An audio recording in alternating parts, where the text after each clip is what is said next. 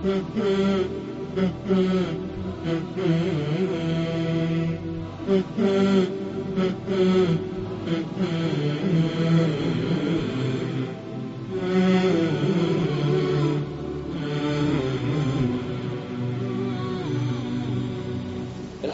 رب العالمين والصلاة والسلام على أشرف الأنبياء والمرسلين نبينا محمد وعلى آله وصحبه أجمعين Ovo je naš treći ders danas sa 15 u generalnom poredku. Govorimo, nakon što smo govorili šta kvari post, govorimo o stvarima koje su dozvoljene postaču da ih čini. Pa nas stavite stvari koje su dozvoljene. Imate nekada stvari za koje ljudi smatraju da se ne smiju činiti u toku posta, a one su u osnovi dozvoljene. I lijepo je da ih čovjek poznaje. Prva stvar postaču je dozvoljeno tokom cijelog dana. Ova klauzula je bitna. Postaču je dozvoljeno tokom cijelog dana da koristi svak.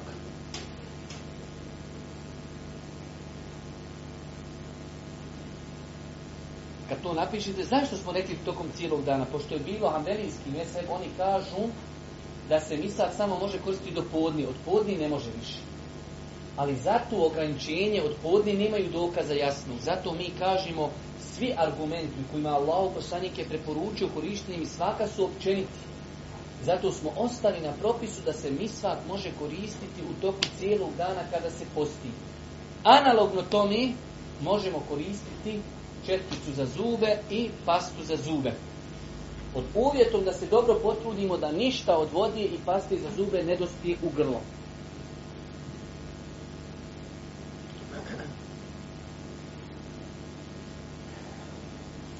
Znači prva stvar koja je dozvoljena da je čovjek uradi u toku posta jeste čišćenje zuba i svakom.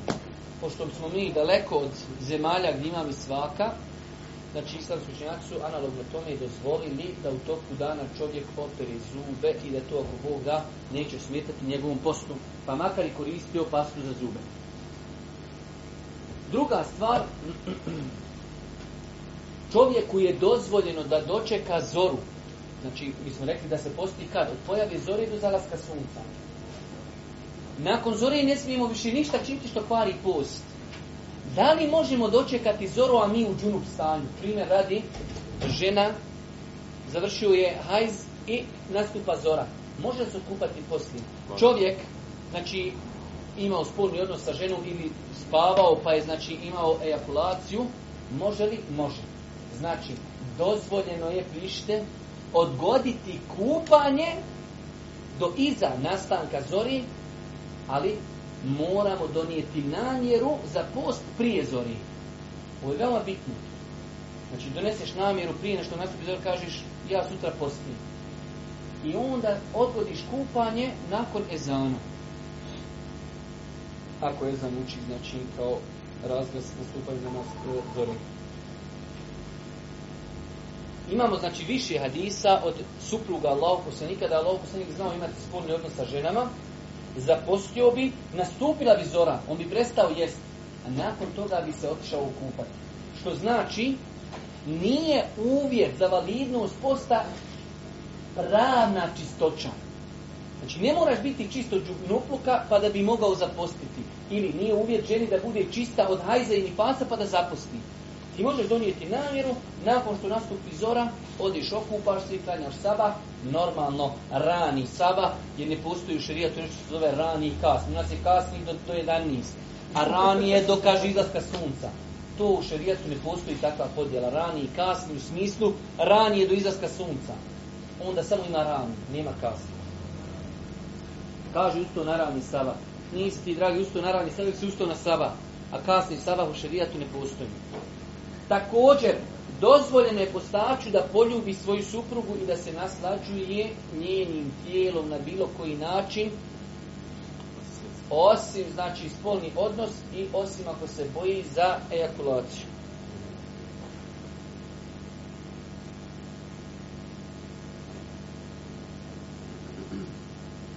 Znači, isto kod nas pogrešno ubeđenje da čovjek misli ne smije dodirnuti suprugu, ne smije poljubiti, ne smije gledati, ne smije ništa što je neispravno. Allah poslanik je znao u više da nisa prenešeno da kada bi postio poljubio bi neku od svojih supruga. Normalno rekli smo pod uvjetom da se čovjek ne boji ejakulacije, tada će, znači, može se onaj, kad se zove, odnosno, to će pokvatiti njegov post. Zato oni ljudi koji su priško stupili u brak, nek se ne igraju oko ovog obsajda.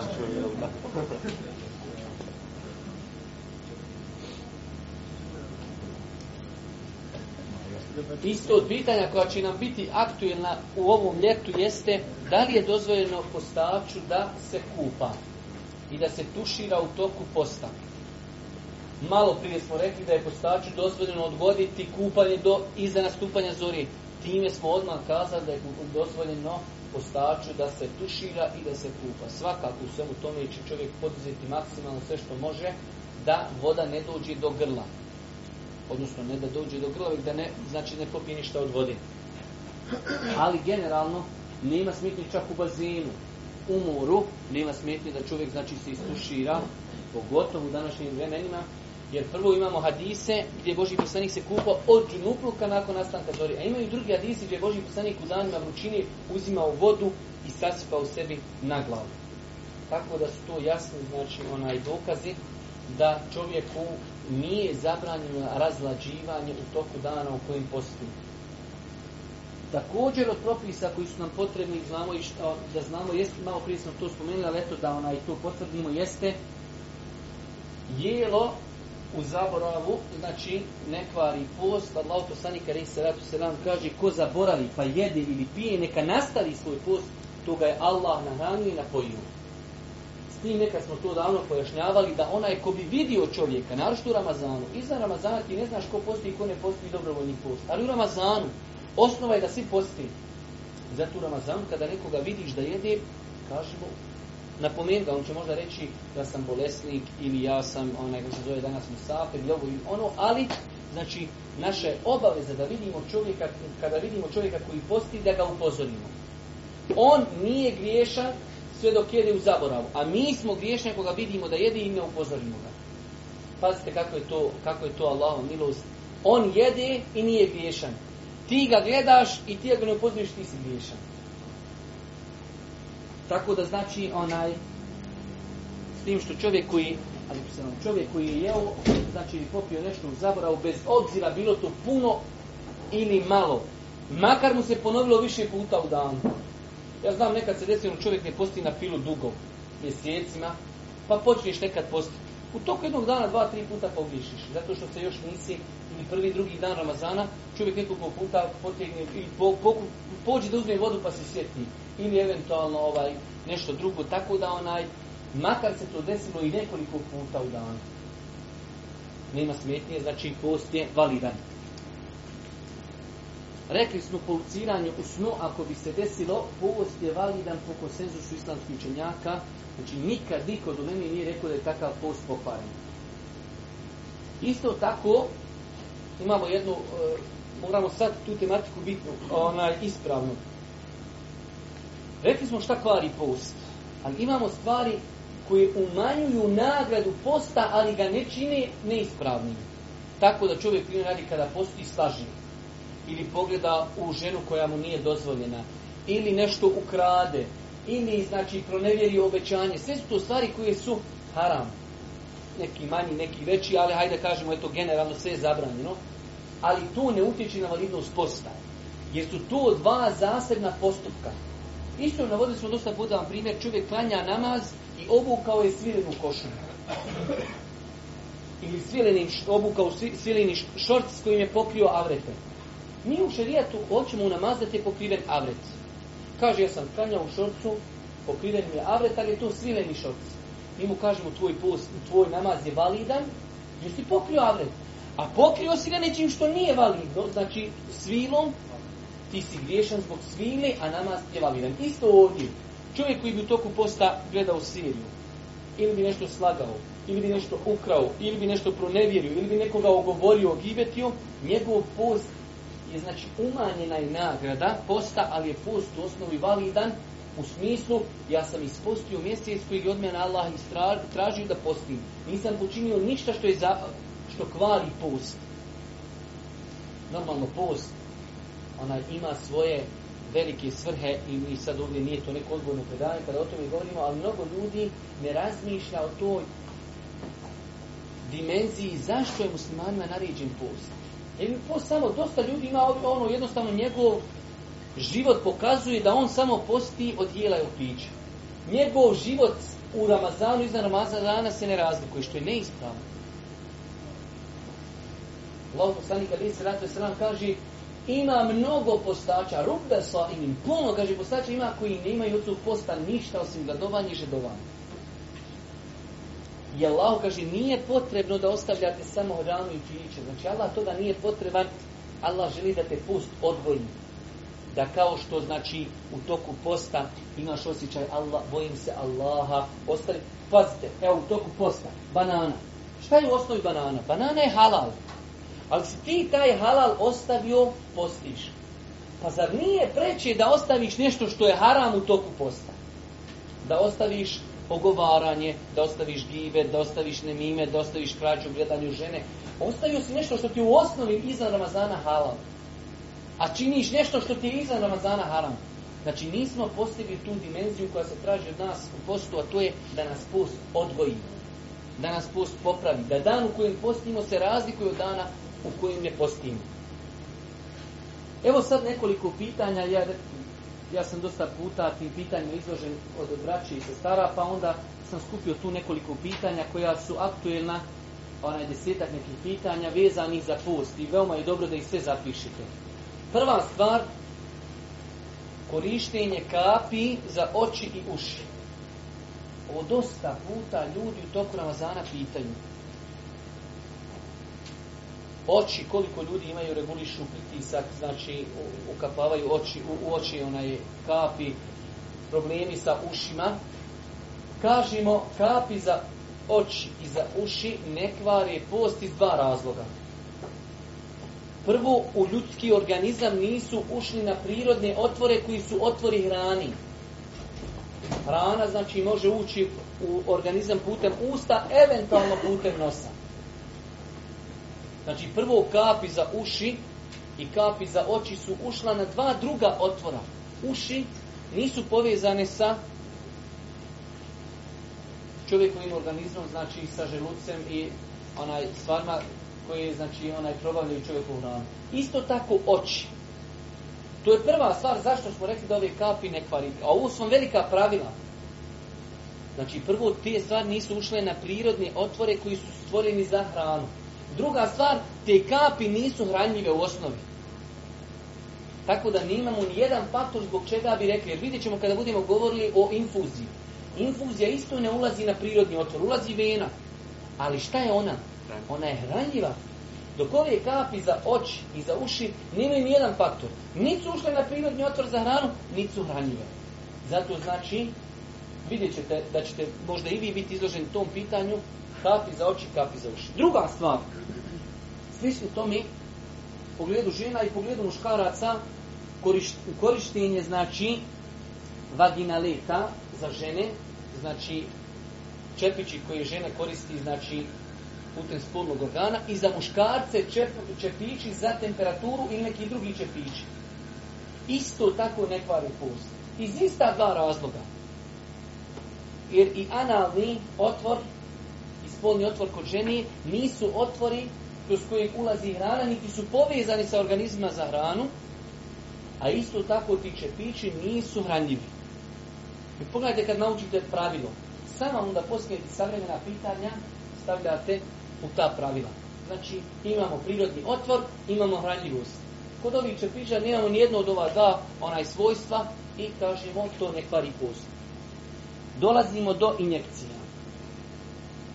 Injekcije se shodno tome mogu podijeliti na dvije kategorije. Imamo injekcije koje su hranjive i imamo injekcije koje nisu hranljive. Primjer injekcija koje su hranjive jeste infuzija.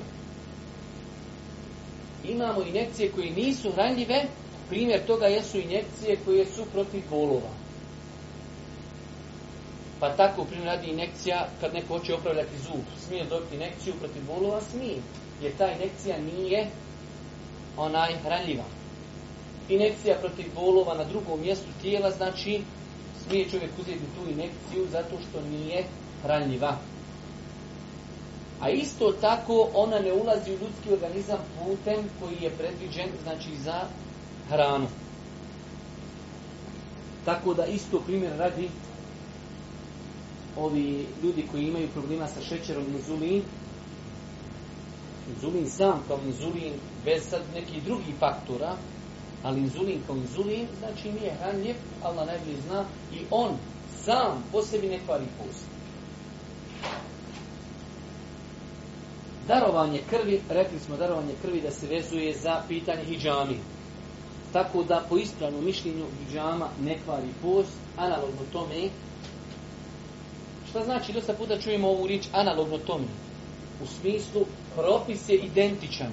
Jer su ta dva propisa ista, uzimanje krvi iz glave ili uzimanje krvi iz vene, propis je isti zato što je iz ljudskog tijela uzeta krv. I zato kažemo propis je uzet putem analogije. Analogno tome jeste da čovjek koji je znači dao krv iz vene i čovjek koji je dao krv putem džami, da je njihov postak ako Bog da ona ispravan, s tim što smo rekli da je bolje te stvari odgađati kao onaj, ne znam da li će nam doći tu sada, ne znam šta smo sve, e, popravljanje zuba u toku posta. U toku posta je dozvoljeno popravljati zube i dozvoljeno je izvaditi zub. Ali isto tako je to preći i bolje odgoditi. Prvo odgoditi zato što čovjek kada opravlja zube, znači znate svi, vjerovatno ste svi ponekad opravljali zube ili vadili zub, gdje ima velika mogućnost da nešto ode u grlo. Znači čovjek izlaže svoj post, ajde da kažemo, nekim opasnostima. I zato kažemo bolje je da čovjek to odgodi. Ali desi se čovjeku boli zub, ne možeš izdržati. Idi, ili ga opravlja, ili ga vadi. Isto tako imate nekada ljudi dobije termin kod nekog specijalisti, kod doktora, gdje jednostavno ti ne možeš utjecati na termin da dobiješ termin nakon akšama. Dobiješ termin nakon podni, nakon ikindije ili ili. Tada kažemo nije sporno da čovjek ode ali da se maksimalno potrudi da naglasi, možda i doktor kaže, ja toku dana postim, volio bi da, znači u pogledu vode, u pogledu pljuvačke, u pogledu tih sredstava za opravku zuba ili vađenje zuba, da znači se malo potrudi u pogledu toga da ga, znači ono, hajde da kažemo, maksimalno sačuvaju toga. Također, rekli smo malo prije oko toga, ako Bog da ne traviše ponavljati, korištenje četkice za zube i paske za zube, ako Bog da to je sve dozvoljeno konzumiranje duhana u toku posta.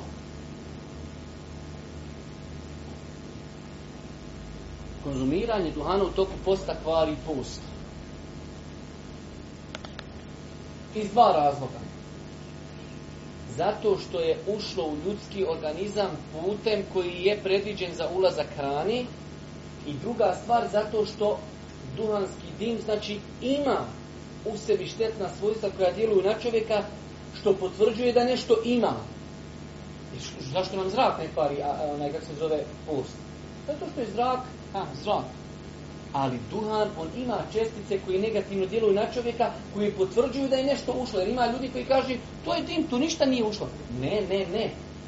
Ušlo je da je to samo dim, neki koji dim, ali nema ništa, bijeli neki dim.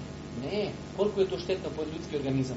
To ukazuje da je u ljudski organizam ušlo nešto, i mi kad smo govorili, konzumiranje nečega bez obzira štetno ili nije štetno. Ulazak na ljudska usta kvari, a, e, kvari post. Tako da onaj nema nikakvi sumnji oko toga da konzumiranje duhana kvari post. I ovdje jedna mala opaska, nadam se da vama inša nikom ne treba, ali u smislu da znate velika je greška to što određen broj ljudi koji su konzumenti duhana, znači cijeli dan se strpi onaj, od duhana i onda iftari sa haramom. A nerijetko se dešava, on sjedne, kapica je pored njega i pored prozora i on sam gleda se kandilju u i on odmah preni povuče je kapicu, ne traga je meni ta meni biti da sam ja nju zapindulio jer mi u oko u krvi i on, on ne vidi, on sam vidi žutu boju da mu se svjetlo upali gore. Njemu kad bi upalio kako ne u toku dana malo uspravno, on bi onaj... Tako da je to onaj Znači jedna velika greška, pogledajte kakva Allah poslanik preporučuje da se čovjek iftari sa svježim datumama, pa sa sujnat, pa sa vodom. A taj čovjek znači preskočuje sve te sunnete i ne samo to, već i se i tario haram. Jer mi ne smijemo imati sumnju. Musliman današnjici ne smije imati sumnju da li je duhan haram. Kad neko dođe i kaže nije haram već je mekruh. Vjerujte da zna šta je rekao, on ne bi to govorio zato što to ne god na zabor, kad bi oni znali šta je mekruh, šta je haram, on bi rekli vaša vjera nije ispravna. Ako vaša vjera za duhan na kojem proizvođač mora napisati duhan ubija, i vaša vjera to smatra mekruhom, vaša vjera nije kompetentna.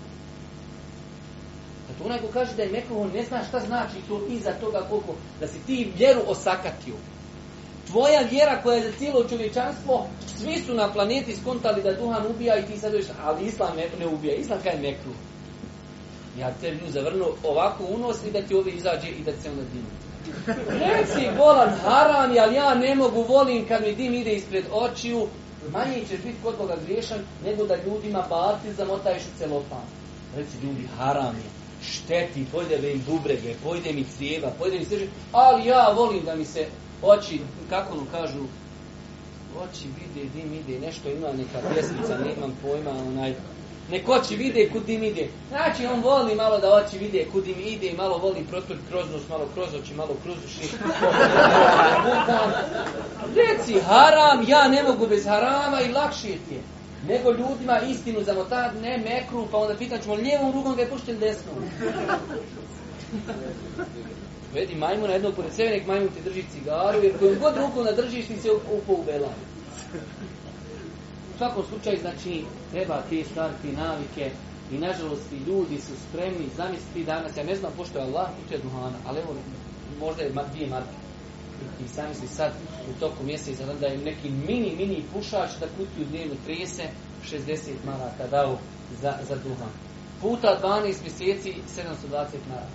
Šta misli da mu ti kažeš na toku, u toku godine, e, aj ti nama izure 720 maraka da nam sadaki za braću u Siriji.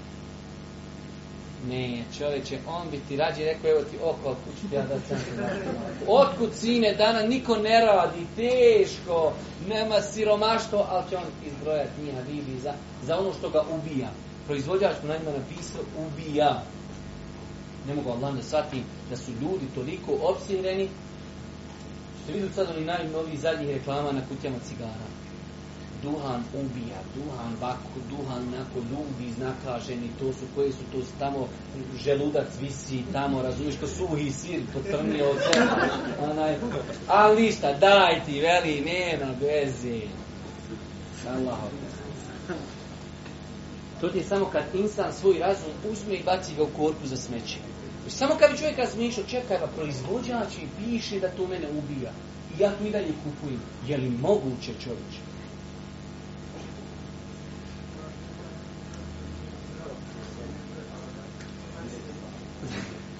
Kaže, i hađi Mujo je, kaže, pušio i opet živio 80 godina. Ma ja, je umio cigare? E, dalje, konzumiranje tableta za sprečavanje mjesečnice, kad su pitanju žene. Znači, ovo govorim vam zato što možete imati pitanja od strane vaših sestara ili vaših majki. Imate nekada žena koje je dobro namjerno Žao im je, nemojte vraćati pričati, malo je tu nekulturno, nemojte da vas moram ja ovako javno upoznati Znači imate žena koji već dugi, duži niz godina posti i teško im je se pogriti s činjenicom da ne posti. I onda čuju tamo da postoje neke tablete za sprječavanje mjesečnici i onda počnu to konzumirati kako bi cijeli, dan, cijeli Ramazan ispostila. Prva stvar, znači opće poznato je da te tablete uzrokuju da se kod ženi mjesečnica poremeti. Šta znači poremeti? je možda velik pravac broj nije oženjen. Znači imate žena, ako je zdrava i šta ja znam, u većini slučajeva mjesečnica joj dolazi uvijek u isto vrijeme.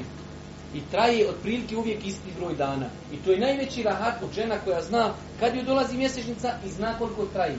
I onda žena kad počne isprečavati nešto na čemu je Allah stvorio. Ti zamisli sad dizel ti napravio švabo i ti naspiješ u njega kerozina.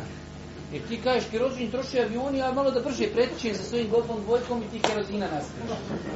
A ćeš vi kad ti klipovi izlete, a vi vi zašto? Nije, napravimo za takav rad.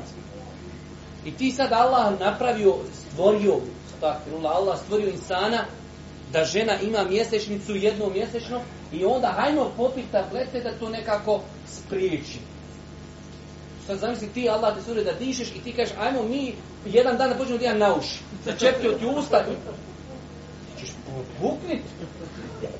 ćeš E tako i žena, sprečavanje nečega na čemu je insan stvoren. Zato kažemo, nije dobro da se koriste te tablete.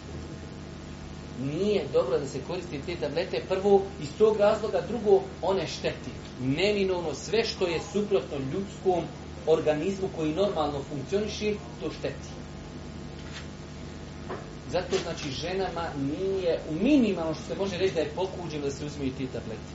Allah je stvorio ženu, Allah zna njen nijet, da ona ima namjeru i voli da posti. Ali jednostavno došla je mjesečnica, prekida, kad završi opet će postiti i Allah će nagrati po njenom namjeru i po njenom nijetu. I zadnje pitanje, ono koje smo danas spomenuli indirektno, jeste post oni koji radi teške poslove. Znači kazali smo da ljudima koji rade teške poslove nije dozvoljeno odmah od kuće krenuti, doručkovati i pokvariti post. Insan ako potpada pod kategoriju ljudi koji su obavezni da postoje, zapostiće. Otiće na svoje radno mjesto i radit će do onog momenta dok vidi da mu je došlo da je teško mu raditi, da je znači iznemogao.